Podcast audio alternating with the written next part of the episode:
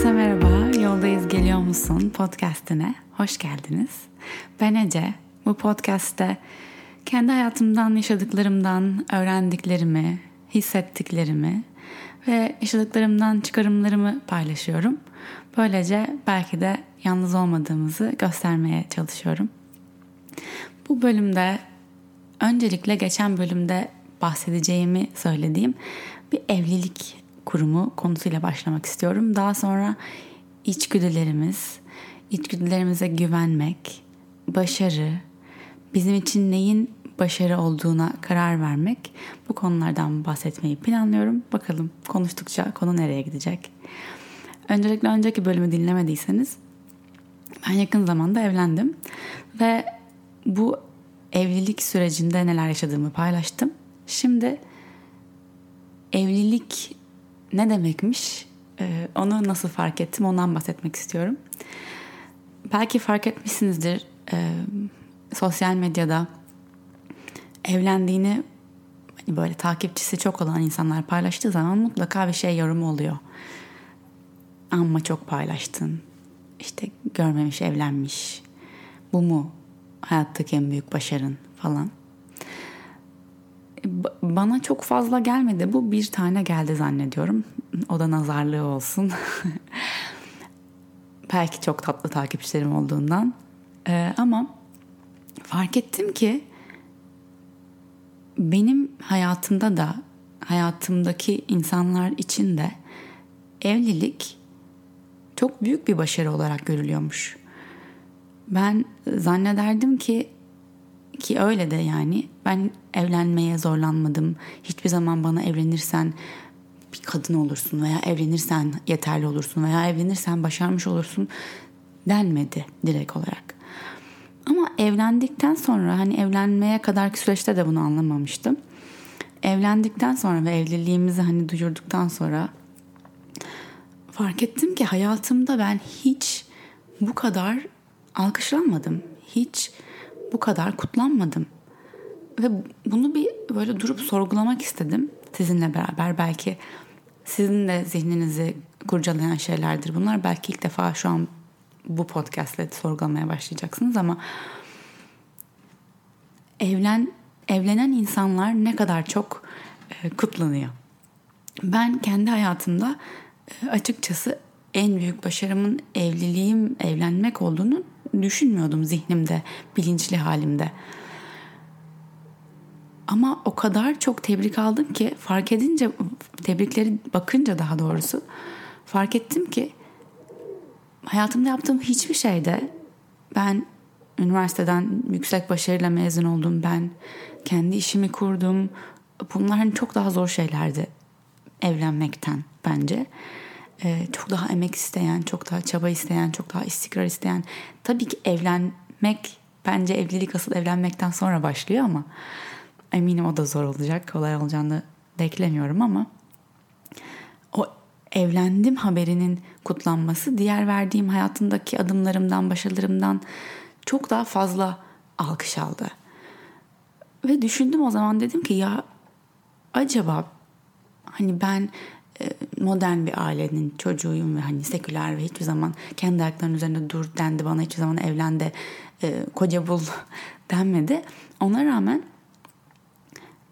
evlenince ne kadar desteklendiğimi fark ettim. Bu illa kendi annem babamdan değil hani sosyal çevremden, sizlerden, takipçilerimden. O yüzden düşündüm dedim ki yani eğer çok paylaşıyorsam da bunu yani tabii ki paylaşacağım. Çok mutlu bir gün benim için bugün. O gün evlenmek güzel bir haber. Mutlu bir haber, neşeli, coşkulu. Ama insan demek ki bir şekilde bilinç altında bunun e, kutlanmasını da bekliyor. Ve belki de hani o çok paylaşıyorsun aman bu mu başarın dediğimiz kızlarımıza, oğlanlara bunu hani bu şekilde yargılayarak söylemektense belki de toplumun bakış açısını sorgulamalıyız. Yani demek ki biz bir yerde çocukluğumuzdan itibaren buna alışıyoruz. Yani evlenirsen bu büyük güzel bir şey, başarı. Bu en basitinden e, maddi olarak yani evlendiğin zaman işte hediyeler geliyor. Evlilik hediyeleri geliyor. Evlendiğin zaman bir ev kurabiliyorsun. Destek alıyorsun ev kurmak için en azından. Eğer evlenmeyi seçmezsen yok yani. Hatırlıyorum bir 80. City'nin bir bölümü vardı yıllar önce. Bilmiyorum aranızda izleyenler var mı? Ee, Carrie başrol çok geç evleniyor yani işte 40'ından sonra evleniyor. Ee, o yüzden o evlenene kadarki sürecinde de çok fazla işte insanlara düğün hediyesi alıyor. Ve e, bir şeyde bir arkadaşı kavga ediyor, tartışıyor, bir şey oluyor ayakkabılarıyla ilgili çok komik bir hikaye aslında çok ciddi bir şey değil, değil ama buna sinirleniyor ve diyor ki o zaman ben evlenmedim ben e, hediye alamayacak mıyım? E, arkadaşına bir e, bu hani düğün hediyesi seçme şey olur ya liste yaparsın giderler oradan hediye alırlar öyle bir Amerika'da daha çok var bu gelenek gerçi. Öyle e, bir mektup yolluyor işte benim ben kendimle evleniyorum haberin olsun. Bana düğün hediyemi, evlilik hediyemi de şuradan alabilirsin diyor ve hakikaten o, o hediyesini aldırıyor kendine. Yani diyeceğim, anlamak, anlatmak istediğim şey şu. Evlenene kadar neden desteklenmiyoruz? Yani neden evlilik bu kadar değerli? Tabii ki bu arada ben ev, evlendim zaten belli ki. Ee, ben de çok kutsal bir şey olduğunu, değerli bir şey olduğunu düşünüyorum ama bunun en büyük başarı olarak görülmesi kısmı beni biraz böyle gıdıklıyor. Ve bu yüzden soruyorum yani acaba bilinçaltımızda kesinlikle bilinçli olduğunu düşünmüyorum çoğumuz hani sorsam böyle karşılıklı otursak ve sorsam yok canım öyle bir şey yok öyle düşünmüyorum ben deriz ama bilinçaltımızda bir yerde çok derinlerde böyle bir inanç işleniyor ince ince. O yüzden acaba sadece evlenmek için evlenmeler, o alkışlanmayı almak için, o tebriği almak için, o maddi desteği almak için evleniyor, evlenmeyi seçiyor veya belki acele ediyor olabilir miyiz? Böyle bir kafamı kurcalayan sorular. Buradan konuyu içgüdülere bağlamak istiyorum. Yani nasıl bileceğiz? Yani bu bilinçaltımızdaki o evlenirsem ancak başarılı olurum inancından doğru mu hareket ediyorum? Bu evlilik olmak zorunda değil bu arada. Başka bir konu olarak da düşünebilirsiniz. Yani işte şu, şu işe girersem başarılı olacağım, alkışlanacağımı düşündüğüm için mi o işe girmek istiyorum mesela. Başkasının beklentilerini kendimin mi sanmışım? Yoksa ben gerçekten kendi içimdeki sesi duyabiliyor muyum, dinleyebiliyor muyum? Aslında bu kendi içimizdeki ses hepimizde var. O içgüdü, o altıncı his hepimizde var. Bu bir böyle süper güç değil. Sadece o kadar çok işte bu alttan alttan ince ince işlenen şeyleri kendimizin sanıyoruz ki benim inancım ne, benim doğrum ne, beni çağıran yol ne onu böyle biraz duymamaya başlıyoruz. Ben biraz belki podcast uzun zamandır dinliyorsanız e, biliyorsunuzdur bu konuya biraz takığım. Ve açıkçası kendi içgüdülerimi her zaman böyle dinleyerek bu konuya aşırı önem vererek hareket etmeye çalışıyorum. Bu kolay değil yani öyle. Tamam bundan sonra içgüdülerimi dinleyeceğim dediğinde bir anda değişmiyor ama nasıl bir anda değişebilir? Çünkü değişebilir. Bir kere denemekle. Yani örnek vermem gerekirse kendi hayatımdan yine bir kere deniyorsun. Herkesin dediğinin aksine belki.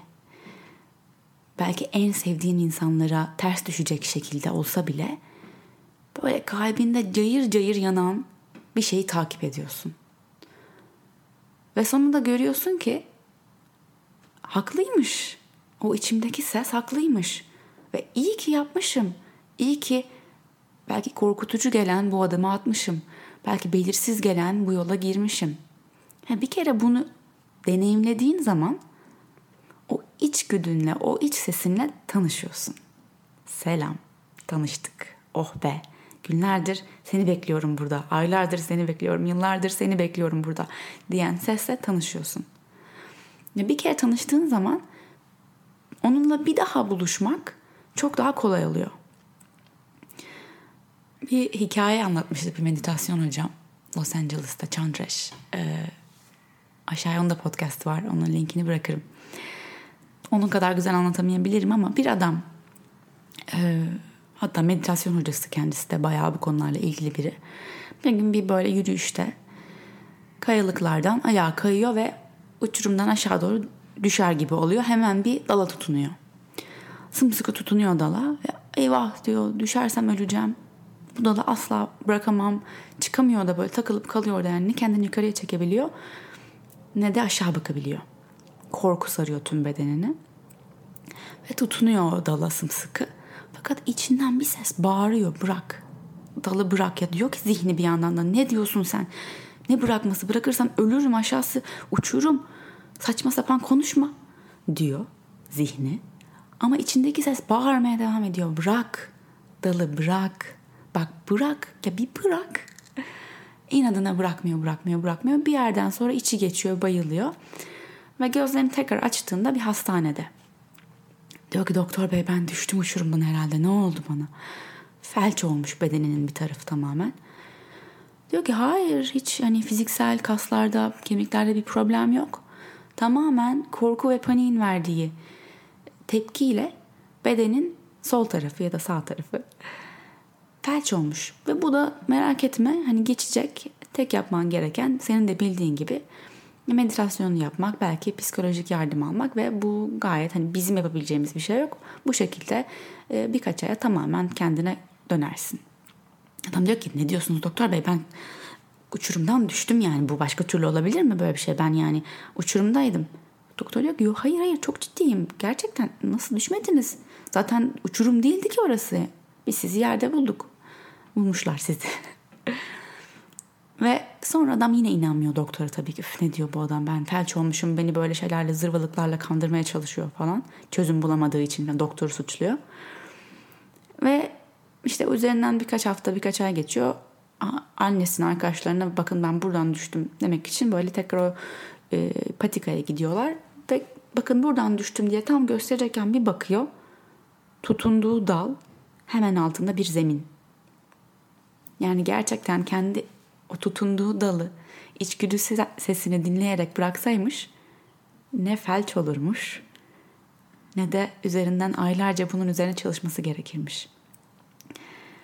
Yani aslında bazen zihin aksini söylese de bu içerideki ses senin için en doğrusunu biliyor oluyor. O içerideki ses, o içerideki sese ulaşmak hep var ama o volümünü birazcık açmak için ne yapmak lazım? Meditasyon. Şaşırdınız mı? Hiç sanmıyorum. Meditasyon yapmak gerekiyor. Neden? Bir insan için bu da bir yazarın sözü gene aşağıya yazarım bulabilirsem kimin söylediğini. En zor şey, en zor şey kendisiyle sessizlikte oturmakmış. Ve bunun araştırmaları da var. Erkekler hatta daha da zorlanıyormuş bu konuda kadınlara nazaran. Hatta hani böyle şey soruları var. İşte elektrik şoku yemeyi mi tercih edersin yoksa 10 dakika kendi başına sessizlikte oturmayı mı? Erkeklerin çok daha büyük bir yüzdesi bunu elektrik şokunu tercih ediyor kendi ses kendi içindeki zihnindeki seslerle oturmaktansa kadınların da ondan birazcık daha az yine ama çok fazla elektrik şokunu tercih eden yüzdesi var. Kendi içimizdeki seslerden neden bu kadar korkuyoruz? Çünkü gerçeklerden korkuyoruz. Bence. Hani bilirsiniz bu söz çok kullanılır gerçekler acıdır diye. Gerçekler acıdır belki ama hayat boyu gerçeklerden kaçarak yaşamak bence daha acı. Hayat boyu kendi gerçeklerini reddederek yaşamak bence yaşamak değil. O yüzden belki ilk buluşma biraz korkutucu gelecek. Hani o e, ilk buluşma gibi. birisi, birisi seni, sana birini ayarlamış da hani kör buluşma. İlk defa yemeğe gideceksiniz beraber falan. Heyecanlanırsın hani ne olacak acaba iyi geçecek mi falan filan o korku. Ama belki aşık olacaksın. Belki aşık olacaksın o sese. O yüzden varsa varsa değil var. Sadece e, önceliklerini değiştirmen gerekiyor belki. 5 dakika ve bunun için böyle müthiş e, planlar yapmana gerek yok. Yataktan kalktığında, uyandığında belki yataktan bile çıkmadan 5 dakika gözlerini kapatıp şöyle bir dinlemek, bir karar vermen gerekiyorsa mesela bir yere gitmek veya bir yerde kalmak, bir şey bırakmak veya onunla devam etmek. Gözlerini kapatıp dinlediğinde kalbindeki ses ne diyor? Başka yaptığım bir şey benim bu meditasyon dışında. Aslında yine kendi bilincimle küçük oyunlar oynuyorum bunu yaparak. Bir işaret belirlemek. Nasıl?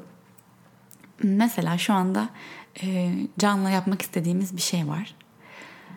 Hatta önce şunu anlatarak başlayayım biraz daha size kafanızda bir resim çizmiş olayım.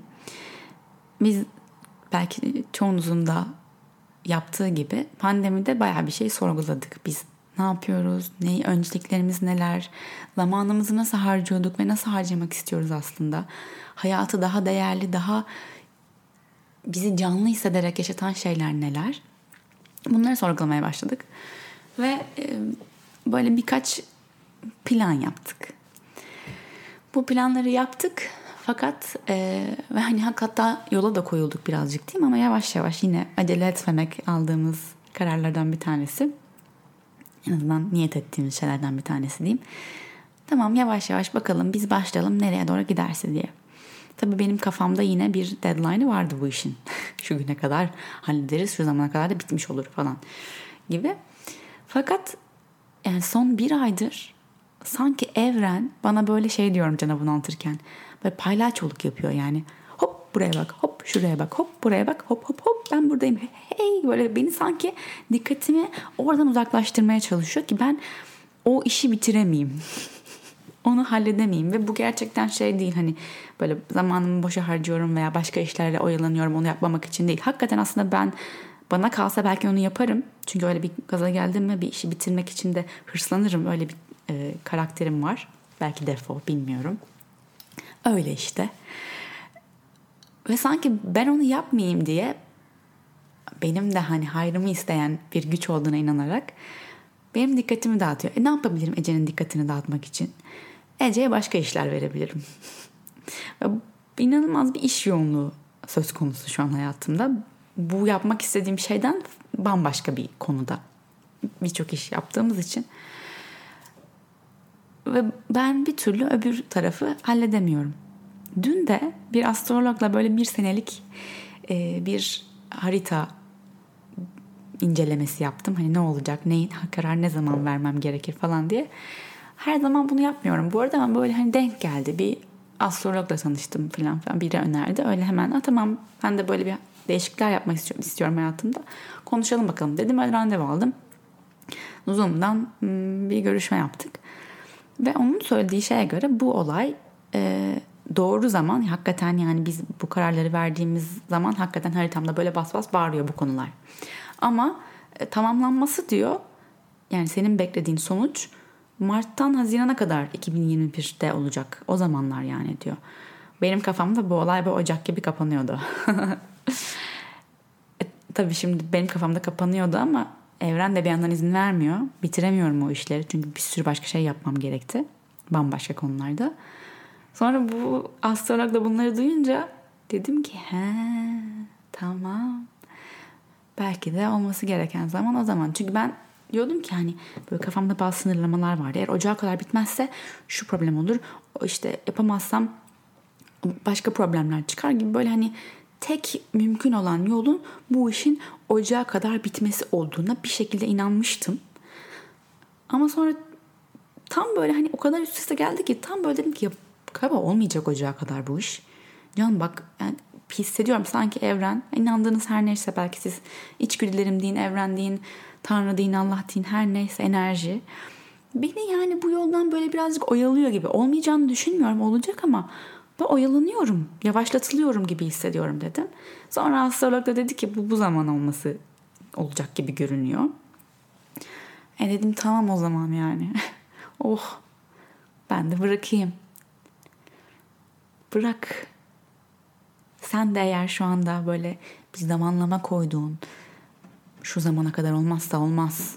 O zamana kadar olmalı dediğin bir şey varsa belki seni ve eğer bu konu olmalı sen böyle düşünmene rağmen olmayacak gibi de bir his geliyorsa sana bir yerden içgüdülerinden belki bir ses dur dur dur dur daha değil diyorsa belki şu an değil de o zaman olursa çok daha böyle tereyağından kıl çeker gibi olabilir. Çünkü aslında hayat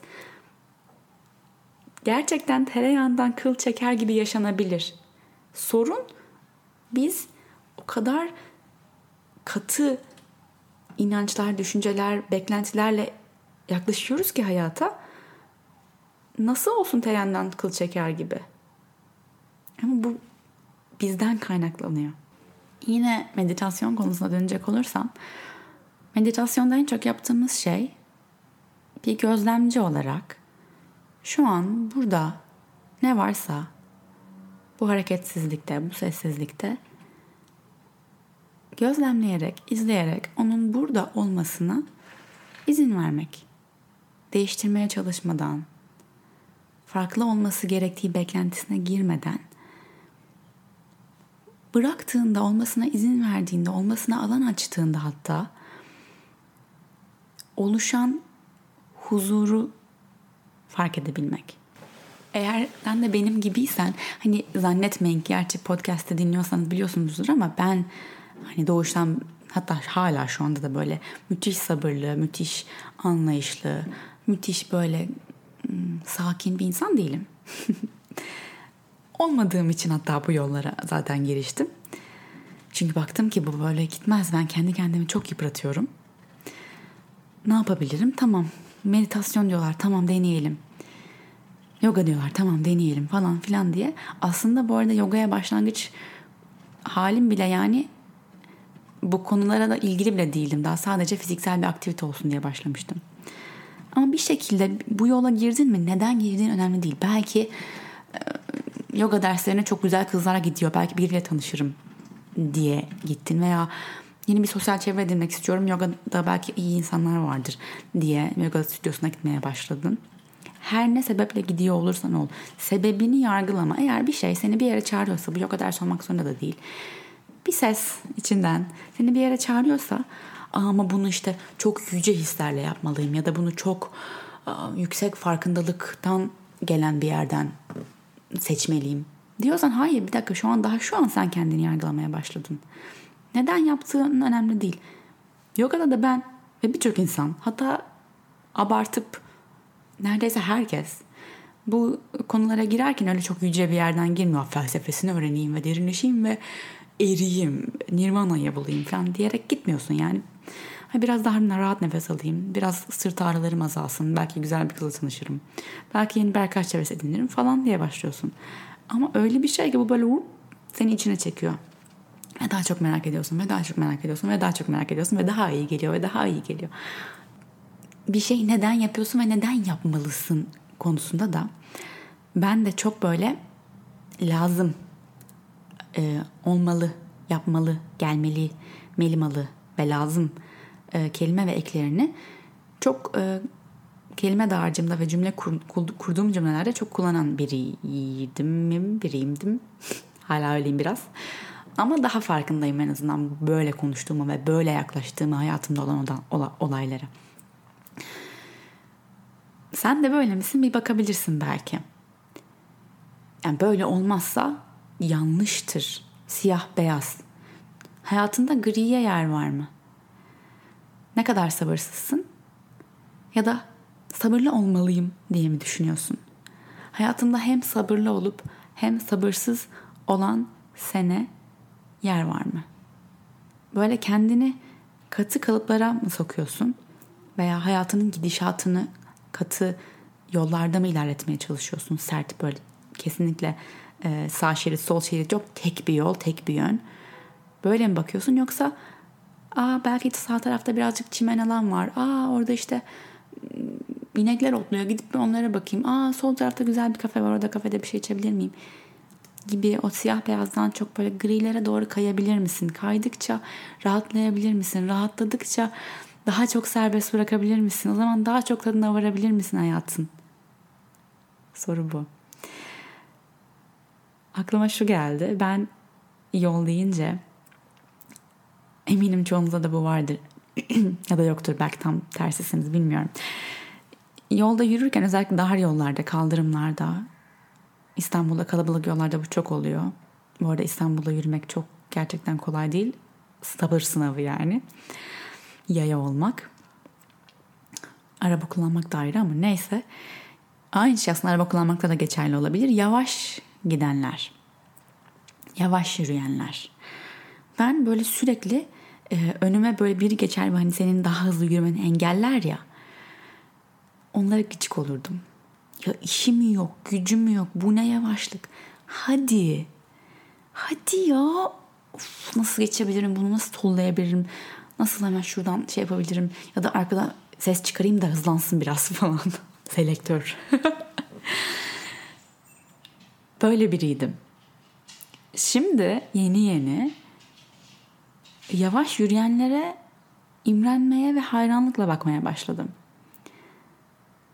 Aslında sorun o yavaş yürüyen insan değil. Yani yavaş yürüyen kişiye sen imrenerek hayranlıkla da bakabilirsin. Veya yavaş yürüyen insan seni bir tetikleyen şey de olabilir. O kişi de olabilir, obje de olabilir, durum da olabilir.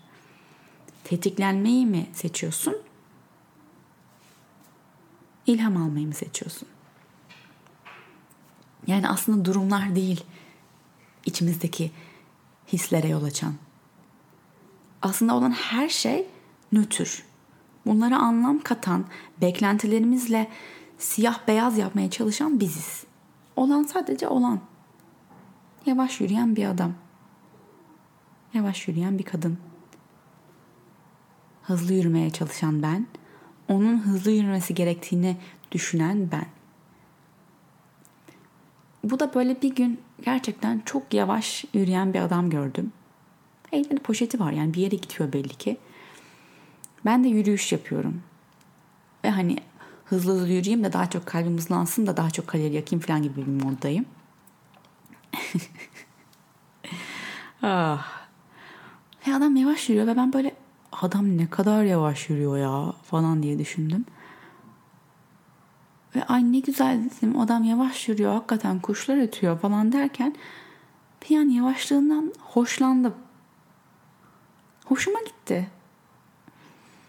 O an hakikaten böyle açıkçası hemen tabii benim zihnim durur mu? Notlarımı açıp böyle podcast'ta bundan bahset diye kendime not aldım. Belki adam gideceği yere hiç gitmek istemiyordu ve geciktirmeye çalışıyordu varış zamanını. Belki hiç benim düşündüğüm gibi böyle yavaş yavaş zevk alarak yürümüyordu ama yine ben onu öyle görmek istedim o an. Ne kadar keyifle yürüyor olarak görmek istedim ve öyle gördüm. Neyi nasıl görmek istediğine, nasıl yaklaşmak istediğine bağlı olarak hayatı kendin için tepe taklak edebilirsin. İyi anlamda da, kötü anlamda da. Yani konu hiç kimsenin hızlı veya yavaş olmasıyla ilgili değil. Konu senin hayatının hızlı veya yavaş olmasıyla ilgili değil. Konu senin beklentin, lazım kelimesine tutunman, kendini nasıl kısıtladığın. Sorabilirsin belki kendine. Hatta böyle oturup bir meditasyondan sonra veya önce, önce önce ne lazım bir yaz bakalım. Yani zihninden direkt böyle hiç farkındalık, bilinçaltı sokma. Direkt böyle zihninden şu an müthiş yüzeysel bir şekilde ne lazım? Para lazım. Koca lazım. Ev lazım. iyi bir iş lazım. Daha çok arkadaş lazım. Zayıflamak lazım. iyi yemek lazım.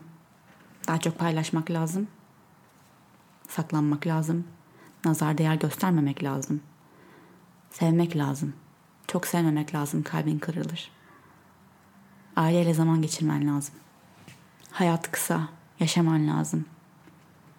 Çok yoruldun. Tatil yapman lazım. Lazım, lazım, lazım, lazım, lazım, lazım. Ne kadar aslında belki güzel şeyler tüm bu saydıklarım. Belki doğru da olabilir. Ama lazım diyerek kendini nasıl şartlandırdığına ve aslında güzel olabilecek tüm bu şeyleri bir zorunluluk haline getirerek kendini kıstırdığını fark et. Şiddetsiz iletişim diye bir şey var. Araştırmanızı ve kitapları da var. Aşağıda linkini bırakırım kitap linkimi bu arada eğer merak ederseniz e, kitabını da okuyabilirsiniz.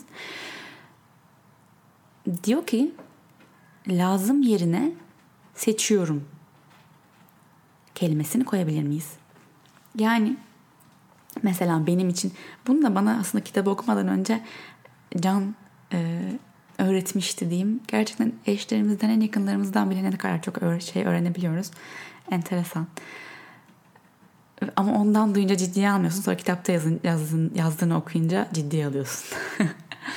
ben diyorum ki mesela podcast'te bir önceki sezonlarda hep böyle haftanın şu günü diye yayınlıyordum. Şimdi öyle değil. Neden değil? Çünkü ben hep şey diyordum mesela evde. Yarın podcast yayınlayacağım, podcast kaydetmem lazım. Can da hep bana diyordu ki ya buna böyle yaklaşmasan yani lazım lazım yapmam lazım diye değil de hakikaten keyifle yapabileceğim bir şey olsa bu. Yani keyifle kaydediyor musun sen bu bölümleri? Bazen gerçekten keyifle kaydetmiyorum. Şu an kaydediyorum. Çünkü şu an bu yeni sezondaki kararım yapmam gerekmiyor. Şart değil. Gerçekten içimden geliyorsa, söyleyecek bir şeylerim varsa, ben kaydederken keyif alacaksam kaydediyorum. Kaydetmeyi seçiyorum. Kaydetmem lazım değil. Kaydetmezsem dünyanın sonu gelmez.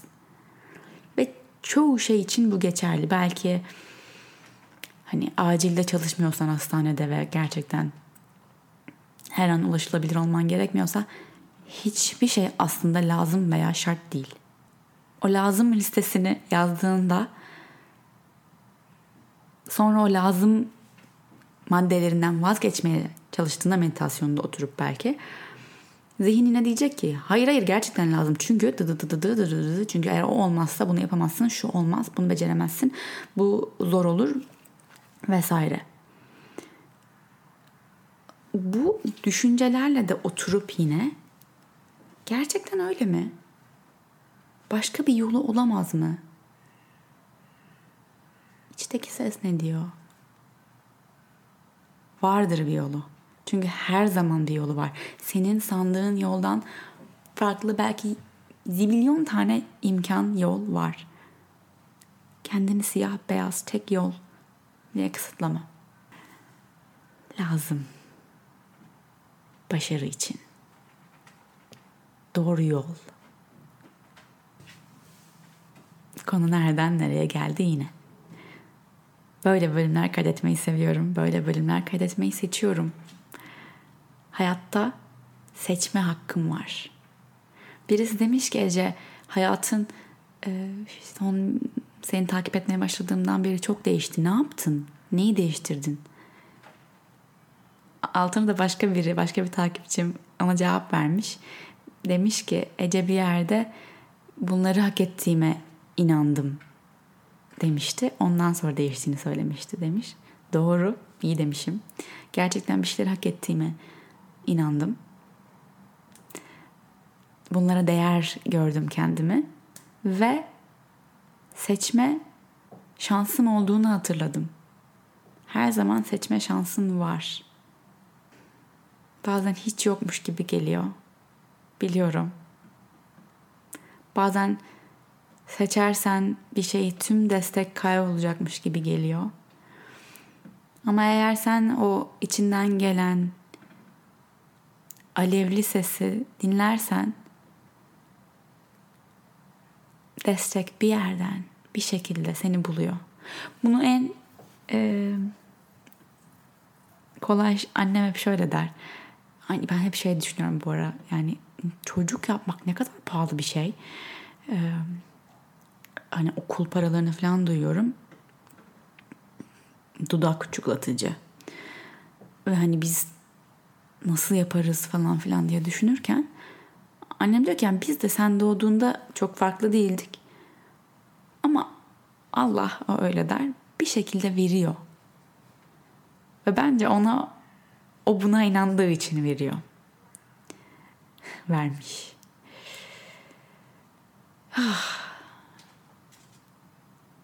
Nereden nereye geldik ona? Umarım bir şeyleri fark etmişsindir, sorgulamışsındır, içine bir su serpilmiştir bilmiyorum. Beni dinlediğin için her zaman çok teşekkür ederim. Eğer beni daha çok duymak istersen bu podcast dediğim gibi artık böyle sabit bir günde değil. içimden ne zaman gelirse keyifle geliyor. Ama daha çok görmek istersen Instagram'dan takip edebilirsin. Orada her gün aktifim. Veya bu meditasyon falan dedik. Bunlara ilgi duyduysan, merak ettiysen stüdyomuz açık. İstanbul'da yaşıyorsan Flow Studio'ya gelebilirsin. Yoga ve meditasyon derslerimize katılabilirsin. Veya eğer değilsen burada veya fiziksel olarak gelmeye imkanın yoksa online Flow Studio'ya katılabilirsin. Ayda 69.90'a onlarca derse erişimin oluyor. Her ay bir tane dolunay veya yeni ay ritüeli yayınlıyoruz. Yine birçok insanın bir ayda bir kere yaptığı böyle kendiyle buluşma zamanı olmuş. Bu beni çok mutlu ediyor. Yorumlarınız gerçekten beni motive ediyor. Teşekkür ederim. Ne mutlu bana iyi geliyorsa. Onlara katılabilirsin. Denemekten zarar gelmez diye düşünüyorum. Zaten her şey bir denemek yani doğru yapmak ve yanlış yapmak diye bir şey yok bu yolda. O yüzden bir sonraki bölüme kadar belki siyah beyazlarını biraz daha grileştirip biraz daha az melimalı eklerini kullanarak biraz daha az lazım kelimesini kullanarak kendine biraz daha alan, rahatlık tanıyabilir misin? Burada olduğun için çok teşekkürler. Bir sonraki bölüme kadar yoldayız. Geliyor musun?